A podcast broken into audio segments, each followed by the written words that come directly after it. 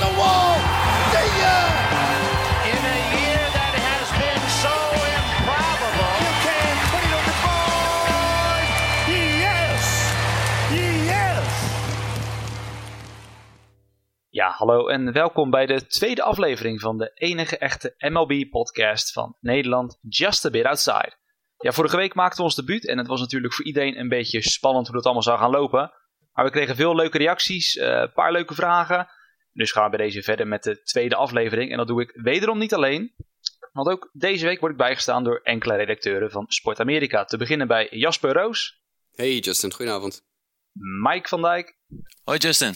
en voor het eerst ook ditmaal Lionel Stuten. Hi Justin.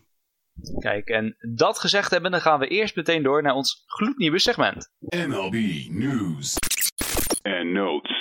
Yes, goed. Allereerst David Price. Ja, er was eerder deze springtraining al veel gedoe over. Ja, zou Price er langdurig uitblijven? Nu is er nieuws binnen dat hij voor op zijn vroegst waarschijnlijk in mei terug zal keren bij de Red Sox. Ehm, ja, Mike, hoeveel, hoe, laten we zeggen, hoe erg moeten de Red Sox fans in paniek raken? Ja, goed. eh, ik eh, ben benieuwd in hoe erg ze in paniek gaan raken. Eh, van wat ik heb begrepen en gelezen, eh, CSN New England heeft laten weten dat de Red Sox zelf het een beetje downplayen. Eh, ze zeggen dat gewoon David Price enige dagen extra rust heeft. Ze hebben hem nu geloof ik ook iets van 10 dagen eh, rust gegeven.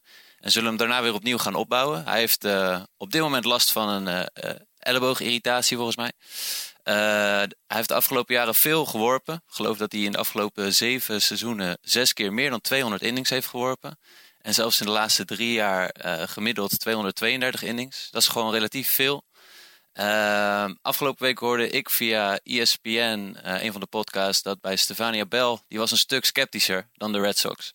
Eh, en zij gaf aan dat ze wel twijfelt of hij überhaupt dit seizoen eh, nog gaat werpen. Dus dat zou best wel betekenen voor de kansen van de Red Sox als, als zij gelijk gaat krijgen. Ja, nou ja, goed. Ja, ze hebben natuurlijk nog eh, genoeg andere werpers. Natuurlijk te denken aan, eh, aan Chris Sale. Maar goed, ja, toch wel lichte reden voor paniek al ligt bij de Red Sox. Maar goed, van de Red Sox. En meteen een mooi bruggetje naar de Yankees. Want die gaan ook iemand missen tot en met mij. En ja, dat is denk ik iemand die ons toch iets meer aan het hart gaat. Namelijk onze landgenoot, Didi Gregorius. Eh, ja, Lionel, daar eh, is ook iets fout gegaan, hè? Ja, hij moest natuurlijk al afhaken eh, voor de halve finale in de WBC. Het is een probleem met zijn schouder. Het zal voorlopig in ieder geval tot half mei gaan duren, is de verwachting. En het grappige is dan ook dat, dat, dat iedereen zich afvraagt: wat gaan de Yankees nu doen? Hè? Gaan ze iemand erbij halen of laten ze het voor wat het is en zitten ze gewoon die tijd uit? En er gaat dan ook gelijk een geruchtenmolen op gang. Zo zou bijvoorbeeld de Reds zouden Jack Cozart aan eh, hebben geboden. Daar hebben de Yankees natuurlijk totaal geen interesse in.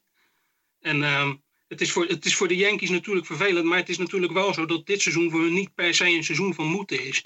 Dus ik denk dat zij het op zich wel gaan overleven, dat Gregorius er de komende weken uit is. Ja, nou ja, goed, het is natuurlijk eh, te hopen voor alle honkbalfans. Dat eh, ja, Gregorius toch zo snel mogelijk terugkomt. Maar goed, van blessures gaan we naar contractverlengingen. Want die zijn er ook nog steeds genoeg. Ik zal even drie op een rijtje zetten en dan mag Jasper daarop ingaan. We hebben allereerst Tim Anderson van de Chicago White Sox. Nou, daar weet Jasper vast genoeg over. Maar ook Jose Ramirez in dezelfde divisie.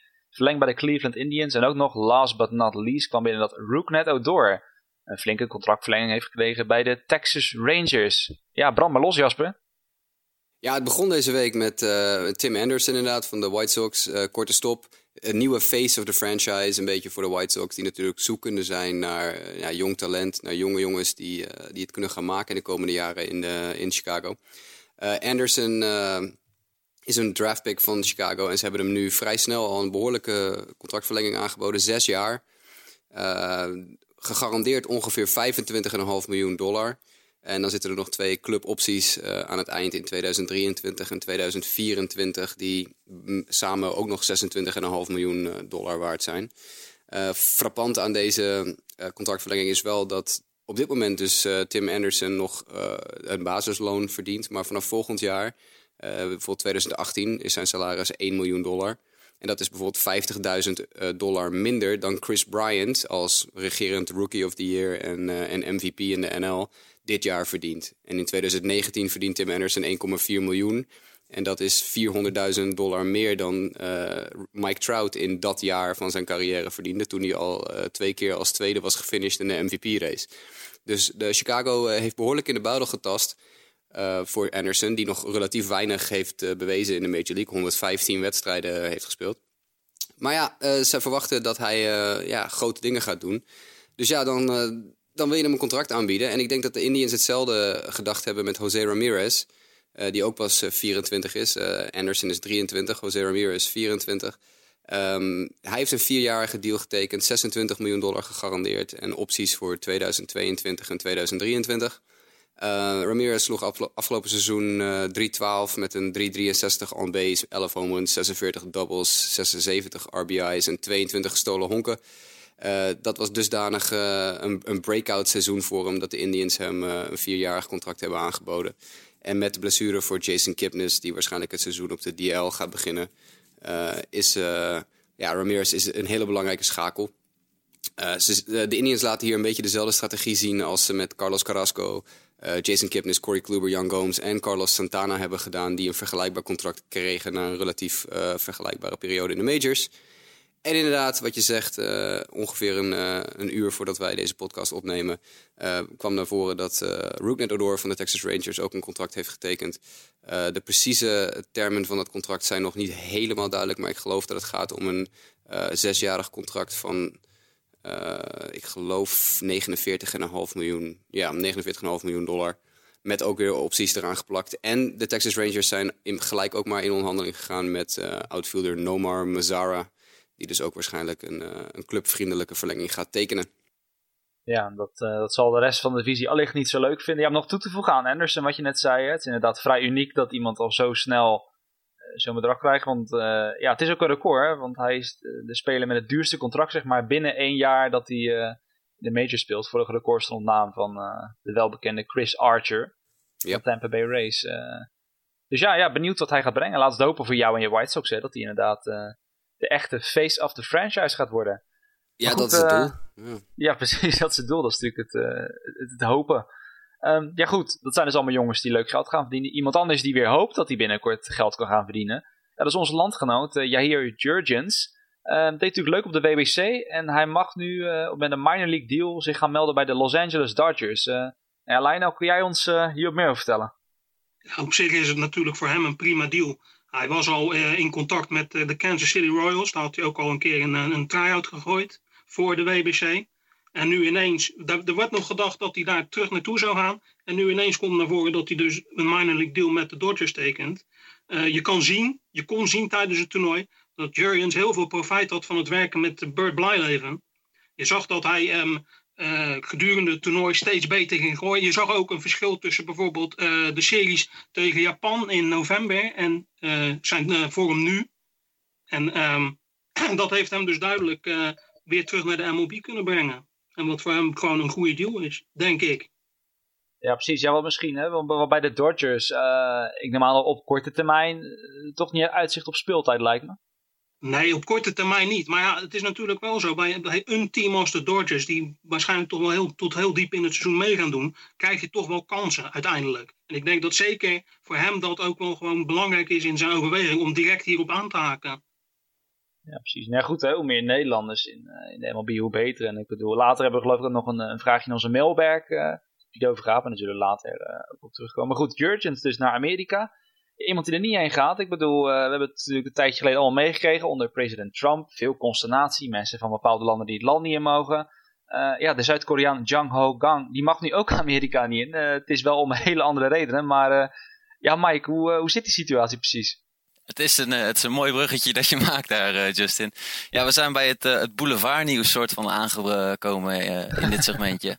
Eh Jung-Ho Kang van de Pittsburgh Pirates heeft in deze offseason een, een kleine fout gemaakt. Nou, redelijk groot eigenlijk wel.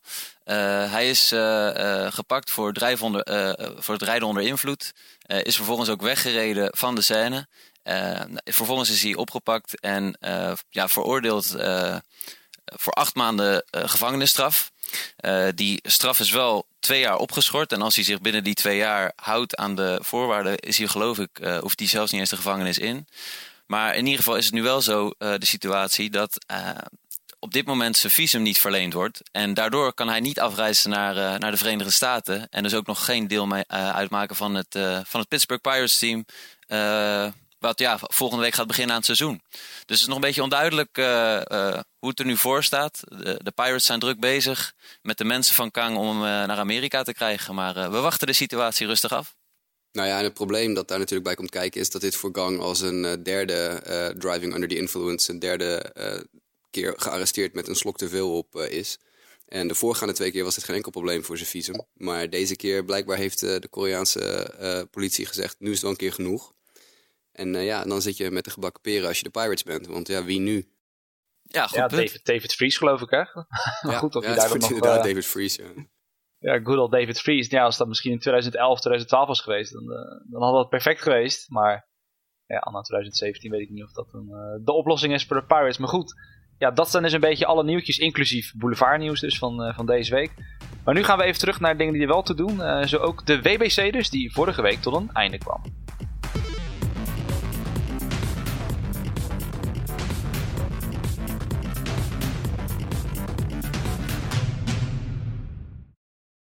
Ja goed, de World Baseball Classic kwam dus afgelopen week tot een einde. Helaas niet met een eindoverwinning voor ons Kingdom of the Netherlands. Uh, maar ja, toch misschien wel iets wat verrassend. De Verenigde Staten die wonnen, want ik geloof dat wij het vorige week over hadden. Uh, ja, noemde niemand de Verenigde Staten als potentiële eindwinnaar of als favoriet.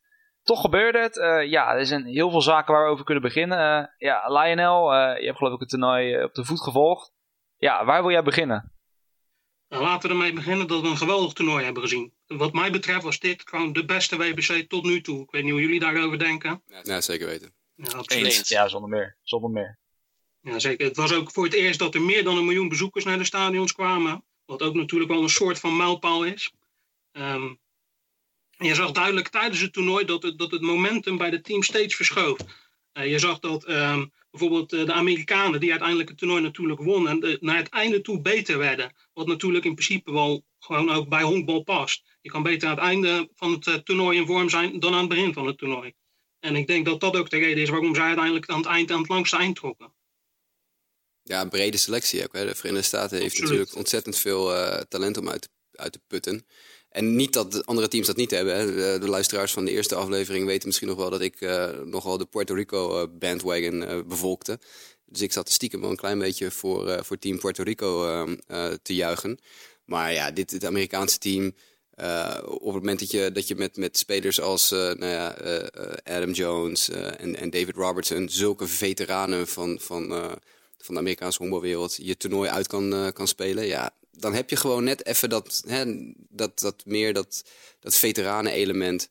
Ja, en dan, dan is het moeilijk voor een jong team als Puerto Rico... die eigenlijk maar één of twee echte ja, leiders hadden in dat team... om, uh, om de Verenigde Staten naar de, naar de loef te steken. Nee, dat is zeker waar. Maar je zag, je zag ook, ook, ook gewoon dat uh, de Amerikanen gewoon echt erin gingen geloven op een gegeven moment. En je zag dat ook aan, aan Marcus Stroman, hoe die zijn eerste wedstrijd tegen Puerto Rico en de finale tegen Puerto Rico, hoe groot het verschil was daarin. Daarin kon je wel zien dat de Amerikanen steeds meer gingen geloven dat ze dit keer een team hadden wat het toernooi tot het einde kon uh, uitspelen. Ja, eens. Ja, Stroman was echt, was echt heel goed. Stroman was indrukwekkend goed. Ja, en, en ik denk ook uh, wat het mooie is, kijk, een, een toernooi om, om bepaalde status te krijgen heeft bepaalde momenten nodig die uh, het, het, echt kenmerken. En uh, ik, ja, op de een of andere manier, ja, de, catch van Adam Jones in het uitveld daar in San Diego. Dat heeft in Amerika zoveel volgens mij ook uh, doen, stof doen opwaaien. En zoveel aandacht ook op dit toernooi vervolgens gevestigd. En ja, uiteindelijk heeft het toernooi daardoor echt denk ik aan aandacht gewonnen. En ja, ook aan, aan geloof van Team USA. We gaan het dit keer eens een keertje winnen.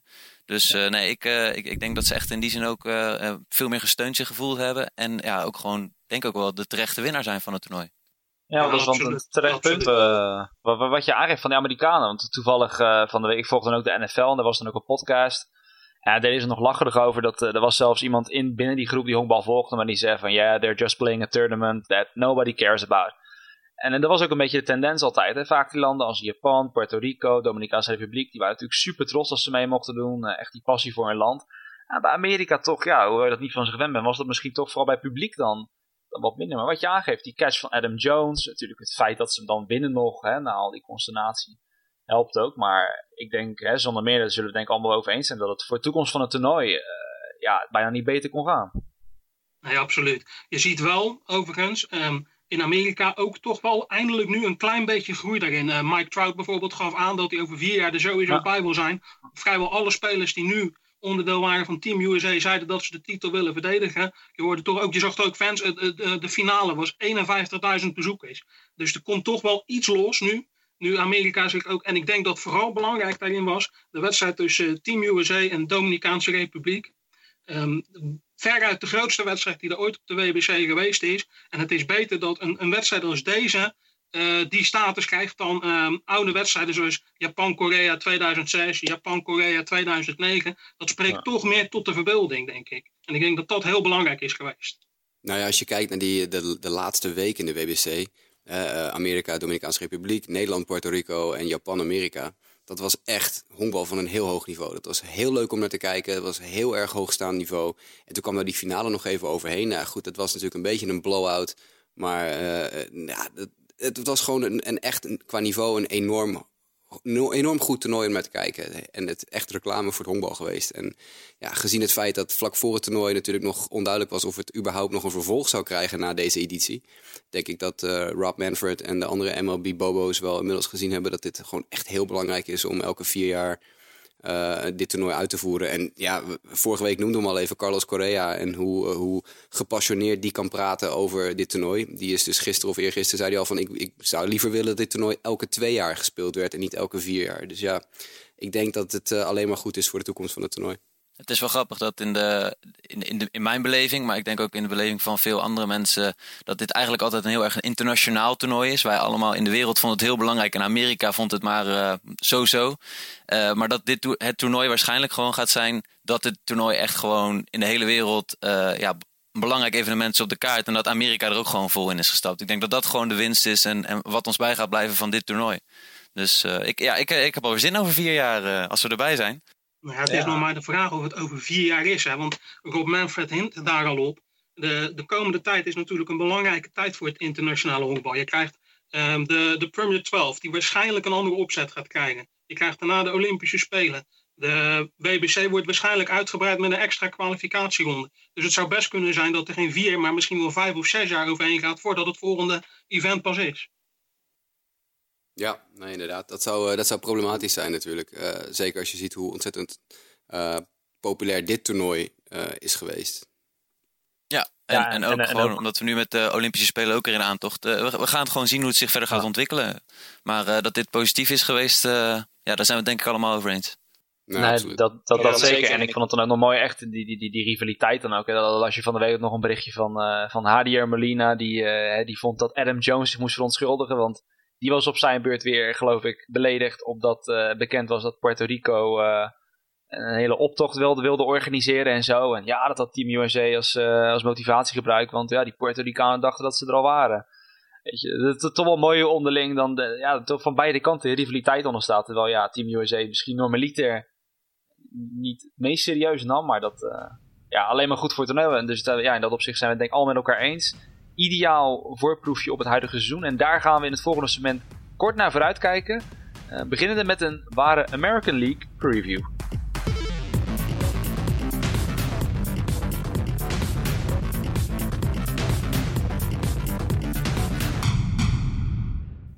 Yes, nou goed, we gaan dus vooruitkijken op het aankomende seizoen. Beginnende met de American League. Uh, ja, wie zijn de favorieten? Uh, welk team gaat dit jaar een jump maken? Zijn er misschien spelers die we misschien niet heel bekend zijn, maar die we toch zeker in de gaten moeten houden? Ja, we gaan alle drie divisies even kort maar krachtig af. We beginnen in de AL West. Uh, divisie waar vorig jaar de Texas Rangers als Texas Rangers sorry, als winnaar uitkwamen. Uh, ja, Mike, uh, beginnen we bij jou. Uh, ja, geef eens even kort jouw blik op deze divisie. Ja, nou, allereerst inderdaad Texas. Ik had het vorig jaar op zich niet verwacht. dit jaar was, uh, verwacht ik dat ze eigenlijk wel flink uitgedaagd gaan worden door de Seattle Mariners en de Houston Astros. Vorige week kort al gememoreerd. Ik heb Houston hoog zitten en volgens mij andere uh, van deze podcast ook. Uh, maar Seattle heeft denk ik in mijn, mijn ogen wel de, de meeste stappen ge, gezet. Die zijn echt heel actief bezig geweest. Ze hebben Gene Segura gehaald, Danny Valencia op het eerste honk. Ik denk dat zij ook wel een serieuze worp gaan doen, maar ik, ik heb alle hoop op zich op, op Houston. Uh, hoe zien jullie die verdere divisie? Uh, welke team vinden jullie eigenlijk het meest uh, verbeterd? Ja, ik heb ook Seattle bovenaan mijn lijstje staan. En uh, uh, jij noemt uh, Gene Segura en, en Danny Valencia. Vergeet Mitch Haniger niet. Dat, dit, die gaat hem echt die gaat helemaal los dit jaar. Let op. Ja, nee, ik denk dat we het erover eens kunnen zijn dat Seattle hier wel het meest vooruit is gegaan. Maar dat komt voornamelijk denk ik ook omdat Seattle het meest in de buidel heeft getast. Ten opzichte van de andere teams. Ja, het is relatief stil gebleven natuurlijk bij uh, de LA Angels bijvoorbeeld. En, uh, en ja, Oakland Athletics, die hebben het relatief rustig aangedaan. En dan spring je er sowieso als team al vrij snel uit. Maar ja, Seattle heeft, uh, bespraken het vorige week al even in de eerste aflevering. Die, hebben echt een enorme reeks aan, aan, aan, deals en trades afgerateld dit offseason. dus ja, dan ga je al snel richting, het, richting de categorie most improved. Maar ja, dat, dat lijkt in dit geval absoluut ja, buiten kijf te staan. Ja, dat wel. het is natuurlijk dan misschien maar de vraag. Hè? Misschien eer dat deze podcast online komt, dan heeft de general manager Jerry DePaldo van de Mariners misschien wel weer drie, vier spelers verscheept en, uh, en binnen gehad. is niet te hopen. maar uh, ja, het is in ieder geval eh, wel bijna ongekend uh, hoe actief zij, zij zijn geweest. Ja, de vraag is dan wel, ik ben altijd wel een lichtelijk fan van Seattle-based teams. Je blijft wel wat sceptisch, want het gebeurt wel vaker dat er veel hoop is rond de Mariners.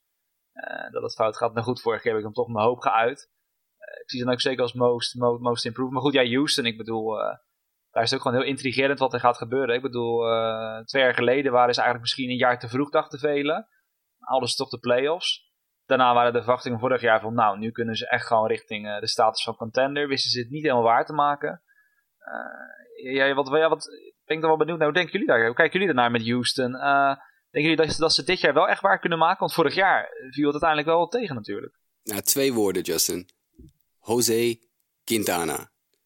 Houston is serieus één goede starting pitcher verwijderd van gewoon wegrennen met die divisie. En het is onbegrijpelijk voor mij dat Houston nog steeds niet Jose Quintana gehaald heeft. Ze hebben het minor league systeem ervoor. De White Sox hebben duidelijk aangegeven. Wij zien potentie in een deal met, uh, met Houston. Het is onbegrijpelijk dat Jeff Lunau, de GM van Houston, nog steeds blijft zitten op die prospects. Want we hebben het heel vaak besproken onderling, ook eh, met de redactieleden van Sport America MLB. Prospects zijn maar prospects. En uh, het is super leuk om er naar te kijken. En ik heb natuurlijk uh, de hele winter lang hebben we eh, gekeken naar alle prospect systemen van, van alle minor league teams. Maar het blijven minor league spelers. En het is onbegrijpelijk voor mij dat een team als Houston, dat verwijderd is uh, dat één pitcher, één goede, echt goede pitcher verwijderd is van echt die divisie helemaal uh, met een strik eromheen aan het eind van het jaar uh, aan de fans te kunnen geven. die weigeren om die paar prospects op te geven en, en voor Jose Quintana die deal te sluiten. Ik, ik, ik, ik, denk, ik kan het ergens wel begrijpen, omdat ik denk dat Houston gewoon zoiets heeft van laten we gaan kijken hoe we, hoe we uit de startblokken komen. En, en dan kunnen we altijd nog die move maken ik weet niet hoe heet ze hebben het niet. Ze hebben, de gewoon, ze hebben de pitching niet. Ze hebben, ze hebben een Dallas Keuchel die, die zwaar teleurstelde vorig jaar. Ze hebben een Colin McHugh die al een paar seizoenen een ERA van 4,5 noteert. Dan heb je een jonge gast als Lance McCullers die ja, gewoon zwaar geblesseerd raakt vorig jaar en het hele seizoen niet bij kan dragen. En dan heb je Joe Musgrove, een goede werper, maar relatief onbekend. En Charlie Morton. Nou, ik denk dat we inmiddels wel gezien hebben wat Charlie Morton gaat doen. Ja, geen Charlie Morton is geen Jose Quintana. Nee, zeker niet, zeker niet. Nee, maar ik denk dat ze gewoon even, willen, even aan willen kijken hoe, die, hoe die, de namen die je net noemt inderdaad het, het gaan doen. Uh, ik verwacht er op zich ook geen wonderen van. Zeker niet als je het vergelijkt met wat uh, andere rotations in die divisie ja, kunnen bieden. maar ja, daar zit wel denk ik de crux voor de, voor de Astros. Is hoe gaan ze die starting pitching invullen. Want ja, qua talent, de line-up is gewoon best wel sterk en, en is gewoon heel jong dus ik, ik zie, zie, daar zeker wel potentie in dat zij daar weer uh, een, stap, een schepje bovenop gaan doen ten opzichte van volgend seizoen, vorig seizoen. Uh, dus ik, ja, ik zie ze echt als de divisiewinnaar dit jaar. En dan heb je dus gewoon twee teams in Texas die allebei voor die, die, uh, die wel in, in de playoffs terug gaan kunnen komen. Ja, en goed. En het grappige is, hè, we hebben het nu eigenlijk in dit alles. Mike Trout en de Angels, die komen niet voor in dit stuk. Eigenlijk als we het over favorieten en dergelijke hebben. Ik heb, pijnlijk ik heb, voor hem ik heb, twee, ik heb de twee dingen opgeschreven, althans twee namen gegeven eigenlijk aan de Angels dit seizoen en de, uh, en de Athletics. Want iedereen kijkt eigenlijk naar die andere drie. Maar ja, de Angels zijn gewoon de outsiders. Uh, en Oakland blijft voor mij de onbrekenbare. Je weet niet, op de een of andere manier kunnen ze toch op een, op een rare manier uh, mee gaan doen in de divisie. Ik verwacht het niet, maar je weet het niet. Ik heb Oakland als nummer vijf in deze divisie op mijn lijstje staan. Ja, ik ook. Ja, nee, ik ook, absoluut. Absoluut. Ja, nee, ik ook. Sluit ik me daar helemaal eh, bij aan. Ja, dat lijkt me denk ik ook niet heel erg verrassend. Eh, maar goed, als we even kijken naar wat spelers. Ik bedoel, ik noem het net Mike Trout, Jose Altuve, Correa, Robinson Cano. Er zijn natuurlijk heel veel spelers die eh, ja, heel erg tot de verbeelding spreken. Die deze teams zonder meer gaan dragen. Eh, ja, wat zijn nou wat spelers waar jullie ja, naar uitkijken of benieuwd naar zijn voor komend seizoen wat die kunnen gaan brengen? Ja, nee, voor mij is het toch wel Correa. Zeker na wat hij heeft laten zien de afgelopen weken op de WBC. Hij is natuurlijk een tijdje eruit geweest vorig jaar met blessures. Ik verwacht echt dat hij heel sterk terugkomt. Ja, Correa Is, eh, ja, is een goede speler. Absoluut. Ik, eh, ik, ik kijk eh, ook naar Houston. Ik kijk naar eh, Alex Bregman. Eh, we hebben natuurlijk, eh, als, in Nederland hebben we Bregman kunnen zien spelen op de laatste, of twee honkbalweken geleden, geloof ik. Ja, twee honkbalweken geleden. Ehm, waar hij derde honk en korte stop speelde voor eh, Team USA. Ja, geweldige speler, geweldige speler. Eh, en, en ja, schuin tegenover het infield eh, voor hem staat eh, andere honkbalweek-veteraan Julieski Gurriel. eh, voormalig speler van het Cubaans internationale team. Die twee mannen die zullen wel eens het verschil kunnen maken voor Houston. Maar ja, ik noemde hem net al even. Ik ben een enorme Mitch Haniger fan.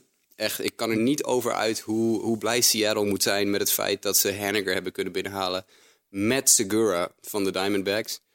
Eh, Mitch Haniger, dat gaat echt een, eh, die gaat een beestseizoen eh, tegemoet dit jaar. Let op, let op. Ik, ik zelf ben ja, als Diamondbacks fan jammer dat we, dat we in ieder geval Segura hebben verloren. Want die vond ik vorig jaar erg, erg goed spelen. Maar ja, nieuw regime. Dus die handelen naar, naar wat zij denken dat verstandig is. Dus daar gaan we dan maar op vertrouwen dit seizoen. Maar eh, Henniger, ja, hij, maar hij kwam inderdaad goed, eh eh, brak hij door de eerste week. En jij hebt hem waarschijnlijk meer ook in de minors meegemaakt. Maar ik, ik, ik had het nog niet helemaal zo gezien dat het echt een groot talent was. Maar ik, ik laat me in die zin graag verrassen. Ik, ik ben erg benieuwd naar Robbie Cano. Toch wel nu seizoen 4 geloof ik in Seattle. gaat hij de team gewoon hopelijk naar de playoffs halen. En ja, ik ben benieuwd eh, wat voor seizoen hij gaat draaien dit jaar. Ik denk dat dit wel een van de seizoenen wordt die gaat bepalen wat zijn legacy gaat zijn in Seattle. Nou ja, eh, dat zonder meer. En goed, ja, qua, qua ik bedoel, jullie noemen natuurlijk eh, namen die denk ik wel heel erg tot, tot de verbeelding spreken. Waar ik me zonder meer aan bij kan sluiten als sp- spelers die een verschil gaan maken. Ik wil dat wel bij de, bij de Mariners blijven. En daar zal ik nog iets korts aan toevoegen. En dat is dan meer misschien een, hoop. Dat ik hoop dat dit eindelijk het jaar gaat worden dat, dat Mike Senino zijn, eh, zijn draft status waar gaat maken. Oké, hij is in career, wat zien we hier? 1,95 hitter. maar weet je, laten we hopen dat dit jaar de Mariners alles met... Hè, we hebben het net gehoord, Mitch Haniger, Gene Segura. In zo'n jaar dat alles goed gaat om hem heen. Dat hij daar gewoon in meegaat. En eh, ja, weet ik veel, gewoon... Nou, slaat hij 280, eh, tegen 30 home runs aan, dan, dan ben ik hartstikke tevreden. Gaan de Mariners fluitend de playoffs in. En nou ja, zijn Seattle fans wel heel erg blij, denk ik. Nou ja, in college en, eh, en in de minors was Sunino echt eh, een genot om naar te kijken. Dus het zou leuk zijn. Precies, ja, alleen dat, ja, dat is dan heel vaak weer een beetje de keerzijde van eh, bij de Mariners zitten. Dat doe je het vaak in de minors heel, heel leuk. Ik herinner me nog één in Montero. eh ik Oh maar ja, al te goed. jeez. Dus ja, laten we hopen dat Mike Zanino niet, niet dat pad achterna gaat. Maar goed, voor, ja, tot kort dan voorspellingen. We zijn allemaal eens over Oakland als laatste. Laten we allemaal stuk voor stuk de winnaar afgaan. Eh, beginnen bij jou, Jasper. Eh, Houston 1, Texas 2, Seattle 3. En jij, Lionel? Houston 1, Seattle 2, Texas 3. Ik ga, ik ga voor, voor Houston op 1, Texas op 2 en Seattle op 3. En ik wil nog toevoegen, want dat ben ik dan net vergeten. Ik verwacht veel bij Oakland toch wel van Sean Manea. Let op Sean Manea dit seizoen. Oh ja, ja goede ja, naam. ja. Dat is een goede naam. Ja, ook mooie naam inderdaad. Letterlijk en figuurlijk inderdaad. Daar heb je toch altijd wat meer mee met dat soort spelers. Ehm, ja. Ja, zetten we, ja, we zetten Seattle gewoon op 1. We zetten Seattle op 1. Houston 2. En dan eh, Texas 3 en de Angels. En eh, ja, vierde of vijfde met, met Athletics. Dat, eh, dat is er dan even. Maar goed, ja, ik denk dat het wel mee eens is dat het waarschijnlijk om die drie teams gaat waar we het net over hebben gehad. Maar goed, van het westen gaan we iets meer centraler zitten. Ik denk een divisie waar vooral Jasper wel zich genoeg in heeft verdiept. De AL Central van zijn Chicago White Sox. Ja, Jasper, je mag mij betreft eh, meteen losbranden qua ja, welk team heeft zich het eh, beste versterkt eigenlijk. Nou ja, dat is eigenlijk heel treurig. Want hoe, hoe goed een, eh, een Seattle Mariners zich vers- versterkt hebben in de AL West. Hè, natuurlijk een enorm goed offseason doorgemaakt. Zo weinig is er eigenlijk gebeurd in de AL Central. Want niet heel veel teams hebben zich heel erg versterkt. Voor, voor de Indians is het belangrijkste dat ze Edwin Encarnacion binnengehaald hebben. Uh, ik denk dat dat wel een enorme, uh, enorme toevoeging aan die line-up is. Maar voor de rest hebben ze relatief weinig gedaan. Uh, de White Sox hebben natuurlijk een leegverkoop gehouden. Chris Sale weg, Adam Eaton weg en nog veel meer gruis ertussen uitgehaald. De Twins hebben relatief weinig gedaan. Die hebben alleen Jason Castro als grote naam natuurlijk binnengehaald. Ehm, dan zit je met de Royals. Die hebben relatief weinig uitgehaald. Die, hebben, die zijn alleen hebben ze die deal gemaakt waarbij ze Wade Davis naar de Cubs hebben gestuurd in ruil voor Jorge Soler. Nou, ik geloof totaal niet in Jorge Soler. Dus dat lijkt me ook nog een beetje een, eh, eh, een, een dubieuze keus. En voor de Tigers, die hebben ook relatief weinig uitgehaald. Maar dat is dan wel meteen mijn team waarvan ik denk... als de Tigers dit seizoen gezond kunnen blijven... als ze kunnen zorgen dat Victor Martinez, Miguel Cabrera, JD Martinez... al dat soort gasten, als die nou eens een keer een heel jaar... of zo goed als een heel jaar gezond kunnen blijven... dan kan dat team juist daarom wel eens een keer verrassen. Want afgelopen seizoen was het een drama in Detroit... maar dat kwam vooral door blessures. En als iedereen fit is, kan het best wel eens een, uh, een vervelend team worden om tegen te spelen hoor. Uh, nou ja, ik denk ook Detroit uh, wel in ieder geval de, de meest serieuze uitdager gaat worden van, van Cleveland. Ik denk dat Cleveland wel gewoon ja, top de bottom een. ik denk dat ze weg gaan lopen met deze divisie. Deze divisie. En ik, ik verwacht wel dat. Ik ben benieuwd hoe, Justin Verlander nu nog een keer. Vorig seizoen is hij toch wel redelijk uh, goed teruggekeerd. Heeft hij echt gewoon zijn oude niveau weer gehaald. Of hij dat dit seizoen weer weet te doen. Ik verwacht heel veel een goed seizoen van Justin Upton. Tweede helft vorig seizoen sploeg hij in één keer een stuk beter. Uh, dus ik ben benieuwd uh, hoe hij zich dit seizoen gaat manifesteren in die line-up van de, van de Tigers. Ja, de rest van de divisie, ik, ja, ik ben benieuwd naar Moncada. Wanneer gaan we hem zien en, en hoe goed gaat hij zijn? Uh, maar goed, daar, uh, daar, is volgens mij iemand anders in deze podcast uh, nog nieuwsgieriger naar. Nou, dat gaat wel een tijdje duren hoor. Dat wordt wel eind juni of zo. Oké, okay, maar wel, we, gaan, we gaan hem dit seizoen zien. Oh, zeker weten. Er is geen twijfel over mogelijk. Kijk, en ja, de, de, de Royals, ja, dat voelt dan in één keer weer heel ver. Hè? Als je kijkt, er zijn best wel ook wat pieces nu weggegaan van het championship team. ik, ik, ik weet niet goed wat, wat ik daarvan van moet denken. Het is het is in één keer, als je nu naar het team kijkt, is het, er zitten wel wat, wat, zeker wat goede spelers tussen. Maar ergens zeg je ook van ja, het, het, is het gewoon niet om de playoffs te gaan halen. Dus uh, ja, ja, en Minnesota, uh, longshot, longshot. Nee, ik heb, ik, heb, ik heb toch wel nog wel een soort van vertrouwen in Minnesota. En dan voornamelijk gebaseerd op Baron Buxton. Ik denk dat, dat die echt een stap gaat maken en dat dat ook gewoon de ster in deze divisie is als je naar spelers kijkt. Tenminste, dat hij dat gaat worden komend seizoen. Dus misschien dat Minnesota, zonder dat zij heel veel gedaan hebben in het offseason, toch nog wel eens de, de verrassing kunnen worden van dit, van dit seizoen. Ja, ja, maar ik ja, dat, valt inderdaad wat, wat, voor te zeggen. Ja, het, is inderdaad een beetje als je. Het is wat, wat Jasper net zei, qua moves. Uh, er zit er niet heel veel tussen van je denkt van, ah, dit. Verandert echt de hele dimensie van de, van de divisie.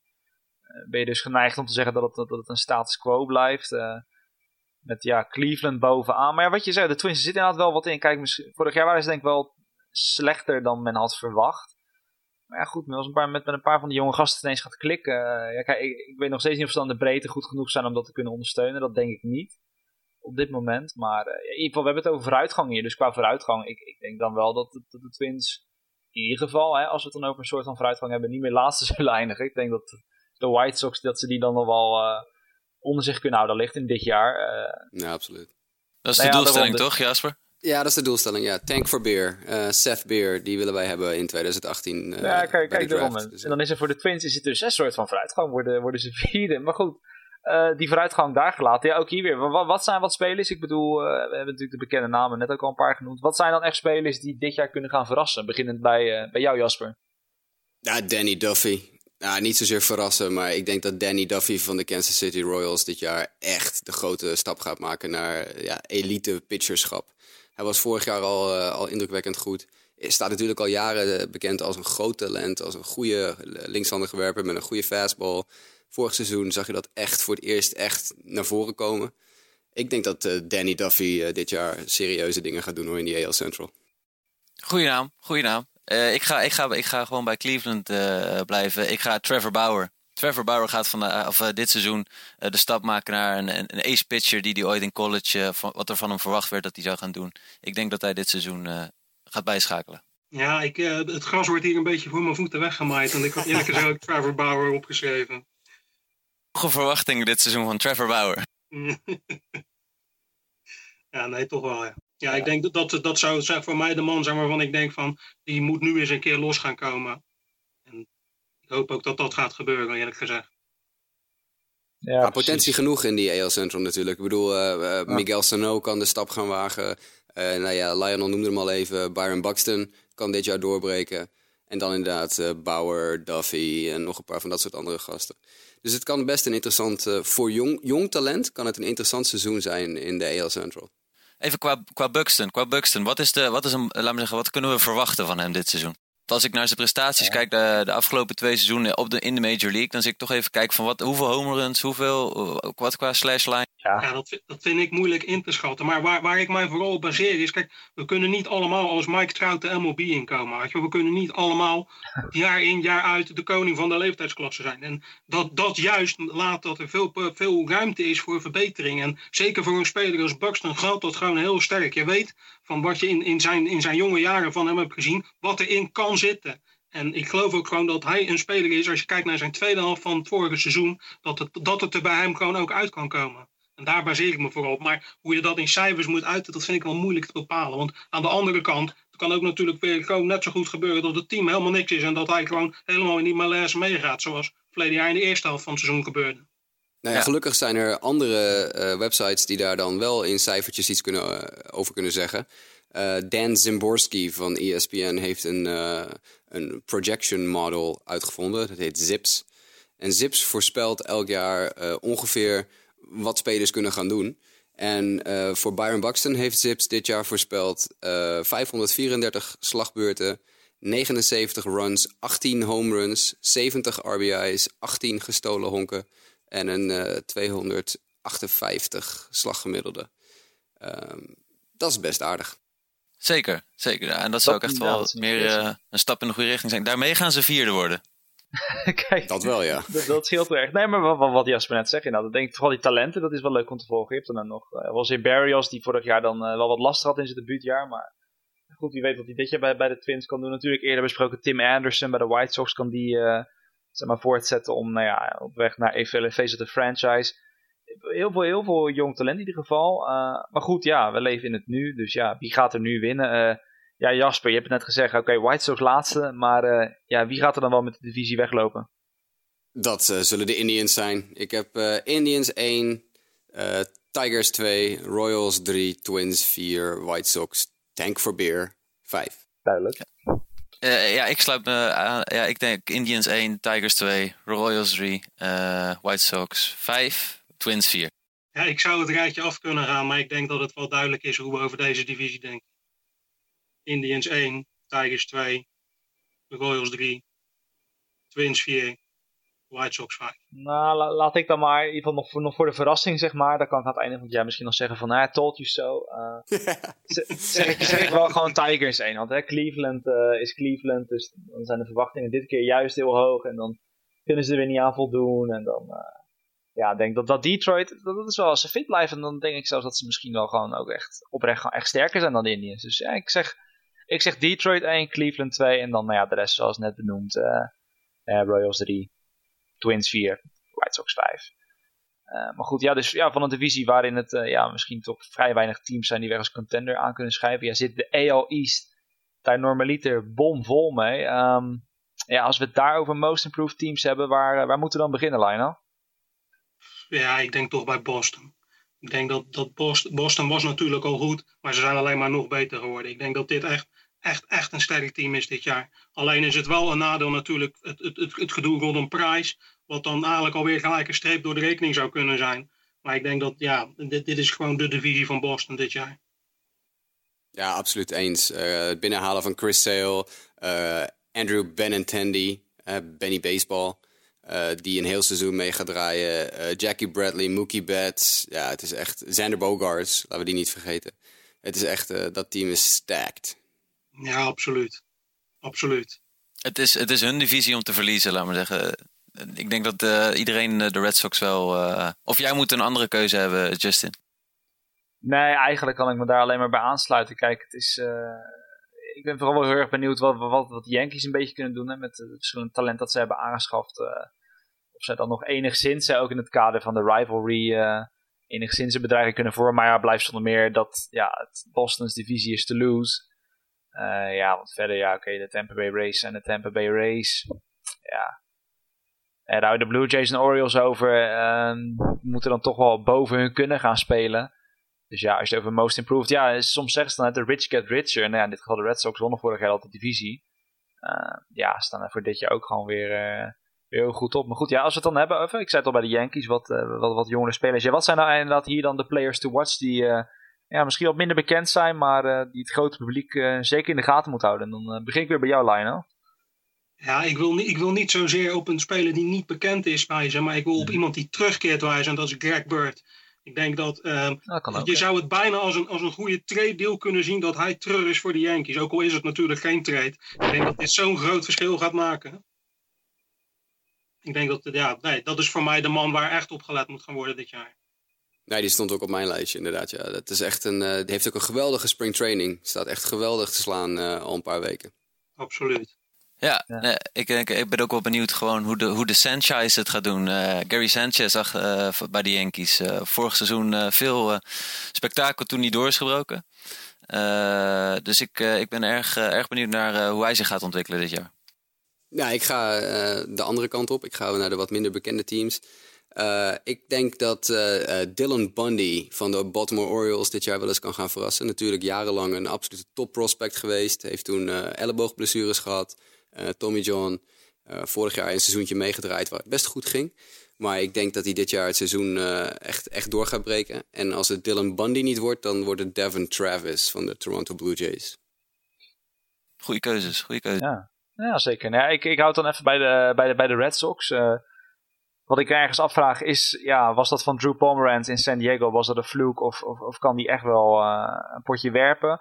En ja, ten tweede, ja, of we de panda ooit nog op normaal gewicht uh, op, op, op het derde hond terugzien. Want ja, ik, ik zit zo even die rosters door te nemen en ik zie uh, Pablo Sandoval zijn naam er nog steeds vrolijk bij staan. Hè? Ik bedoel, hij verdient aardig wat geld daar. En ja, nou ja, ik, ik heb nog geen off-season foto's van hem gezien. Normaal zien we altijd van hè, Pablo Sandoval is in the shape of his life. En dan, nou ja, is het opening day en dan hangt toch weer die pens over die riem heen. Maar ja, daar ben ik wel benieuwd naar hoe, hoe het nou met hem gaat. In een contract year is de Sandoval meestal in shape en dan speelt hij meestal heel goed. Precies, nou ja, dus, dus, dus, dat kan er voor hem spreken. Dus ja, in dat opzicht uh, ben ik benieuwd in hoeverre we wat veld gaan zien en uh, ja, wat hij daarvoor, daarvoor dan terugbrengt. En goed, eigenlijk hebben we het dan nu al een beetje verklapt. En we zien allemaal de Red Sox als de favoriet, denk ik, als nummer 1. Uh, ja. Maar goed, ja, in de East is misschien heel onbelangrijk wat erachter gebeurt. Het is vaak een divisie waar wel één of twee wildcard teams uitkomen. Dus uh, Lionel, begin ik weer bij jou. Ja, hoe denk je dat het zich achter de Red Sox gaat uitspelen? Ik denk toch dat de Orioles daar tweede gaan worden. de Yankees, is, het is leuk, maar het is wel heel vrijblijvend dit jaar. Dus ik, ik, ja, en ik, ik, ik zie gewoon niet in hoe de Rays en de Jays het beter zouden kunnen gaan doen dan de Orioles. Dus ik denk dat Orioles daar tweede wordt, Yankees derde, Jays vierde en Tampa Bay vijfde. Ja, jij Jasper? Uh, ja, Red Sox, daar zijn we het over eens. Uh, ik heb de rest wel iets anders. Ik heb uh, de Blue Jays offense is te goed om, om niet hoog te eindigen. en Aaron Sanchez gaat dit jaar absoluut de stap wagen, ook als, als ace. Hij zou zelfs nog wel, maar daar komen we over een paar weken nog wel op, een gooi kunnen doen voor een, een Cy Young dit jaar. Um, dus Red Sox 1, Blue Jays 2, Orioles 3, Yankees 4, Rays 5. jij Mike? Ja, als, uh, als je mij vraagt, ja, de Red Sox gaan winnen. Uh, ik ga gewoon antwoorden wat ik hoop dat het gaat worden. Dat zou zijn dat de Orioles tweede worden. Ja, dat de Orioles tweede worden. Uh, ik, ik hoop dan ook dat de Yankees derde worden. Ik vind dat er te weinig credit gaat naar hoe Joe Girardi jaar in jaar uit voor uitdagingen wordt gesteld. En er iedere keer toch wel aardig wat van weet te maken. ik ga voor de Blue Jays verrassend dan op vier. En de Tampa Bay Rays, ondanks dit jaar een sterke Chris Archer, gaan ze toch als vijfde eindigen. Ja, nou ja, Red Sox 1 sluit ik me dan bij aan. Ja, verder, het, deze divisie is altijd zo onvoorspelbaar in dat opzicht. Behalve dat ik dan wel denk dat de race uh, ja, gewoon nog zwaar tekort komen om, uh, om zich erin te mengen. Uh, ik ga gewoon zeggen Yankees verrassen tweede. Uh, dat, zijn, dat zijn misschien een jaar te vroeg pieken, maar dan nu al, al tweede eindigen. En daarachter de Blue Jays 3 en de Orioles, die gaan wel blessures krijgen. Daar gaat Adam Jones gaat wat wedstrijden missen of zoiets. En eindigen in een wat teleurstellend jaar voor Buck Showalter. Eindigen zij uh, op de vierde plaats, denk ik. En dan, uh, ja, ik moet zeggen, ik gun het de Orioles wel altijd, maar helaas denk ik omdat ze net tekort gaan komen. Maar goed, ja, tot zover dus uh, onze korte American League uh, preview. We kregen deze week dus ook wat, uh, wat vragen binnen. En daar gaan we nu eventjes naar kijken. Just a bit outside. Mailbag. Ja goed, dan beginnen we meteen met de eerste vraag in de mailbag. En die is voor Lionel. Die komt van Nick D'Alessi. Uh, is via Twitter binnengekomen. En hij vraagt wie van de niet-MLB'ers op het uh, Kingdom of the Netherlands roster zou mee kunnen in de MLB? Ja, ik had op dat lijstje had ik uh, Jay Jurians gezet. Maar ja, die is nu al onder de pannen. die denk ik dat hij het wel zou kunnen. Ik denk ook dat het, dat het duidelijk is dat Vladimir Valentin nog wel iets in zich heeft en nog wel een terugkeer zou kunnen gaan maken naar Amerika en het daar zou kunnen maken. Tot slot wil ik graag ook nog wel even wijzen op Sharon Marties. Die ik echt geweldig heb gezien, zien gooien op de World Baseball Classic. Waarvan ik denk dat hij dit ook in de MLB zou kunnen brengen. Ja, het zijn nou denk ik de drie namen. En vooral Coco Valentin. Ik bedoel, het lijkt me echt geweldig om hem op het hoogste niveau aan de bak te, te zien. En uh, de MLB wat mooie home runs over de hekken heen te slaan. De volgende vraag hou ik dan ook meteen uh, bij jou in. Want ja, ik heb het net over. Uh, Bas Driessen vroeg via Facebook. Ja, hoe schatten jullie de kansen van Vladimir Valentin dan in om in de MLB te spelen? Ik denk, ik denk dat uh, hij het beste zou passen in een team dat in opbouw is. Een team met veel, veel jonge talenten, prospects die net doorkomen. En hem er dan bij zetten. Als je ook zag hoe hij in, uh, in, uh, in de WBC team uh, Kingdom of the Netherlands op zijn, op zijn rug nam. Ik denk dat in, in zo'n team zou hij heel goed passen. En dan zou hij het ook heel goed kunnen doen. Ik denk dat hij zich in zo'n rol ook heel goed voelt. En dat hij dan gewoon een sterkhouder kan zijn in een MLB-team. Maar komt hij in een team met sterren, dan krijgt hij het ineens wel heel moeilijk. Ik vind hem wel passen bij de, de Minnesota Twins. Die natuurlijk wel vaker een gokje wagen met eerste honkmensen van meer exotische competities. Hadden die eerste honkman afgelopen jaar uit Korea, die er vrij weinig van bakte. Maar Valentin zou wat dat betreft ook wel goed bij de Twins passen. Inderdaad, precies wat Lionel zegt. Jong team, veel talent. Sano, Buxton, die gasten, Escobar. daar zou hij inderdaad wel goed bij passen, ja. Absoluut. Ja, ik denk ook, ik denk ook iedereen heeft uh, de World Baseball Classic toch zitten kijken. Er, er is ongetwijfeld een team wat gaat denken, uh, he's worth a flyer, we gaan het gewoon proberen. Uh, maar waar die gaat eindigen, bij welk team, dat, daar, kan ik, daar ga ik op jullie, hoe heet het, op jullie advies af. Nou ja, hij heeft een contract voor een jaar nog, toch Lionel, in Japan? Ja, klopt, klopt. Hij, heeft, hij is in zijn laatste jaar, daarna is hij free agent. Dat klopt. Hij is al over de 30 inmiddels ook. Ja, hij is een jaar of 2, 33. Hij is 32 uit mijn hoofd gezegd. Ja, precies. Ik denk wel dat hij eerder een fit is in de, de American League dan de National League op de een of andere manier. Ja, DH. Hij kan, uh, als hij wat ouder wordt, ja, prima DH worden natuurlijk. Ja, absoluut. Maar goed, ja, ja, laten we dus maar afwachten. Hopen dat Ballantine inderdaad uh, ja, zijn kans krijgt. Uh, maar goed, we hadden het eerder in de show eigenlijk heel kort over de Angels en Mike Trout ja, geen van ons vieren verwacht eigenlijk dat de Angels een rol van betekenis gaan spelen. En is de vraag van Marco Post dan ook via Twitter: ja, wordt het niet eens tijd voor Mike Trout om de Angels te verlaten? Want ja, de beste man hoort toch eigenlijk wel in de playoffs en de World Series thuis. Ja, uh, Mike, hoe zie je dat? Nou ik denk we worden tijd ten eerste om helemaal weg te gaan. Dus ja, waar zou hij dan heen moeten gaan? Ten eerste ben ik het helemaal eens met wat uh, Marco zegt over dat deze beste man zeker in de playoffs thuis hoort, zo niet in de World Series. Uh, volledig eens. Ik denk alleen wel uh, dat het voor de Angels een organisatorische vraag is van ja, is het in onze interest om hem weg te doen voor, de afloop, voor het afloop van zijn contract? Zijn contract loopt momenteel nog tot, tot 2020. dus ja, ik, ik denk zelf dat de, de Angels hem gewoon in ieder geval nog één, twee seizoenen gaan houden in Los Angeles. En ja, afhankelijk wat er dan verder geboden wordt aan aan spelers, aan spelers en prospects uh, dat ze wel uh, bereid zijn om te luisteren naar, uh, naar offers. bij welk team die dan gaat eindigen, ja, het liefst zie hem dan denk ik ook wel. Ik zie mezelf dan het liefst ook bij een team wat echt serieus om de prijzen speelt. Nou ja, ik weet niet wat haalbaar is, maar Mike Trout bij de Yankees of iets dergelijks, ik zie dat wel voor me. Ja, nee, dat zonder meer. Nee, misschien, ik bedoel, Jasper had het eerder over de Houston Astros. Die, die blijven maar prospects verzamelen. Misschien doen ze dat wel bewust voor Mike Trout. Hè? Wie weet dat ze denken, nou, dan hebben wij, eh, als wij nou eh, echt de, de team beste prospects over een tijdje hebben, dan kunnen die over twee jaar bieden voor Mike Trout. Ja, het, het zelf lastig vinden. Ik, weet niet hoe de andere heren, Jasper, jij dat ziet van Mike Trout. Bestaat er de kans dat hij weggaat, denk je? Nou, er wordt al jaren over gediscussieerd. Hè? Wat moeten de Angels doen? Moeten ze een rebuild beginnen nu met de enorme uh, oogst die ze kunnen binnenhalen op het gebied van Mike Trout? Of moeten ze hem nog één keer houden nog een paar jaar en er gewoon voor gaan en gewoon flink investeren. Eh, de Angels zijn een organisatie eh, waar je heel moeilijk hoogte van kan krijgen op dit moment. Het is niet helemaal duidelijk wat, welke koers ze willen varen. Er wordt relatief weinig uitgegeven aan nieuwe spelers. Er wordt heel veel gerecycled binnen hun eigen organisatie. Ehm, ik kan er geen pijl op trekken. Ik ben het helemaal met Marco eens. Hij, hij moet naar de playoffs. En ik betwijfel of dat bij de Angels gaat gebeuren. Maar ik betwijfel ook of de Angels op dit moment het vernuft hebben om uh, het juiste te doen met Mike Trout. En als ik eerlijk ben, ja, wat is het juiste wat je met Mike Trout moet doen? Het is een beetje een catch-22. Je kan het niet goed doen, je kan het niet fout doen.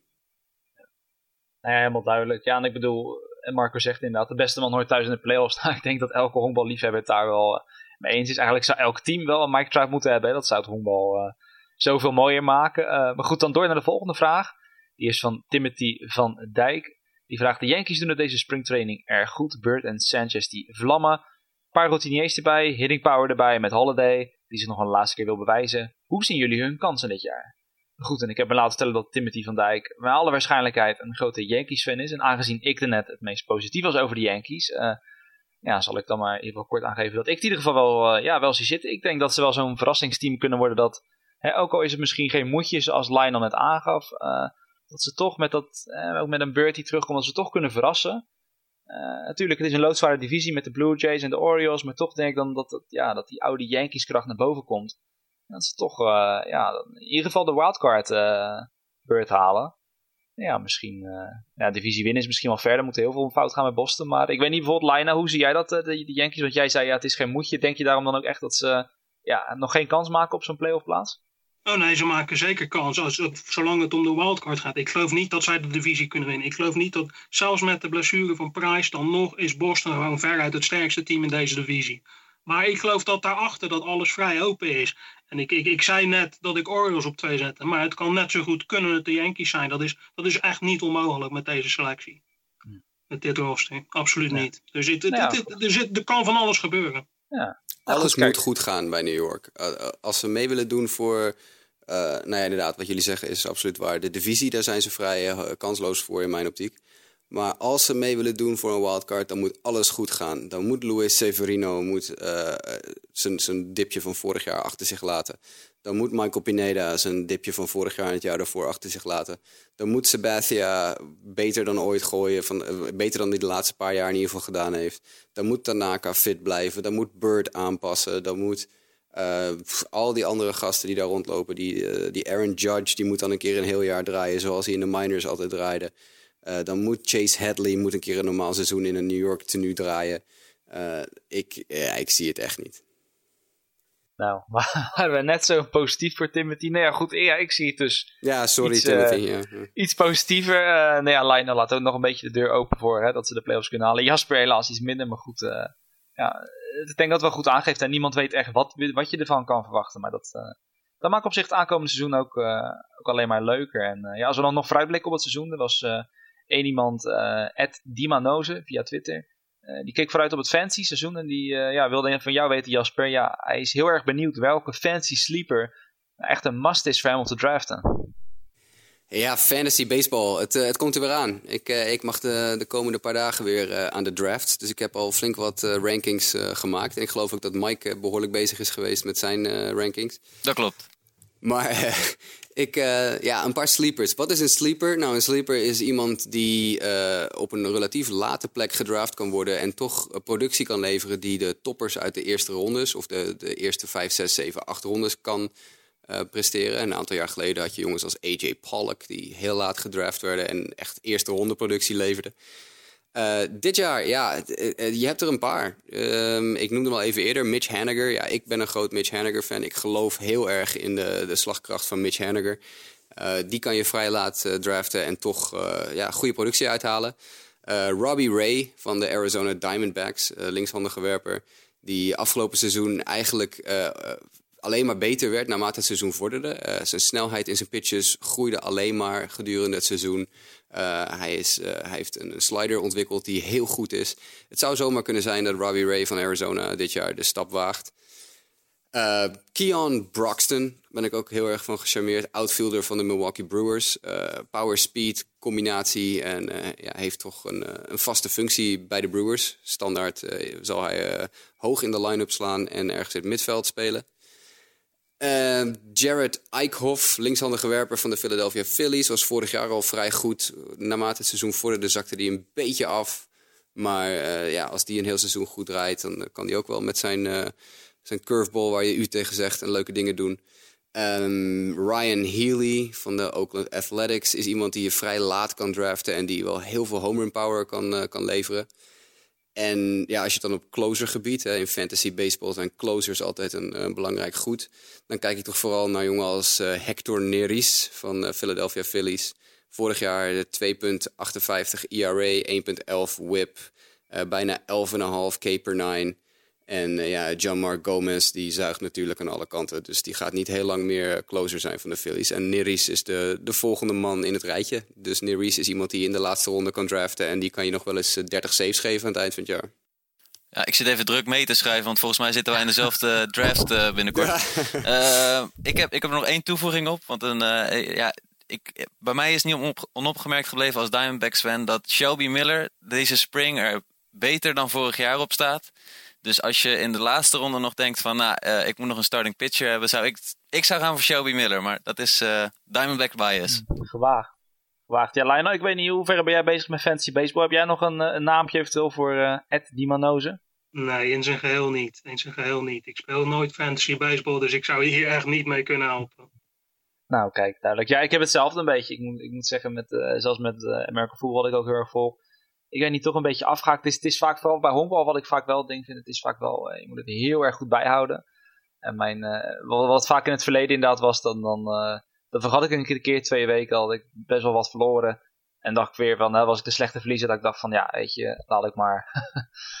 het, ik, ik geef het op. Maar goed, ja, dus mochten jullie fancy vragen hebben, Jasper en Mike die zijn in ieder geval wel erg mee bezig. Dus richt je vragen zeker tot hun. En ja, daarmee is de mailbag leeg.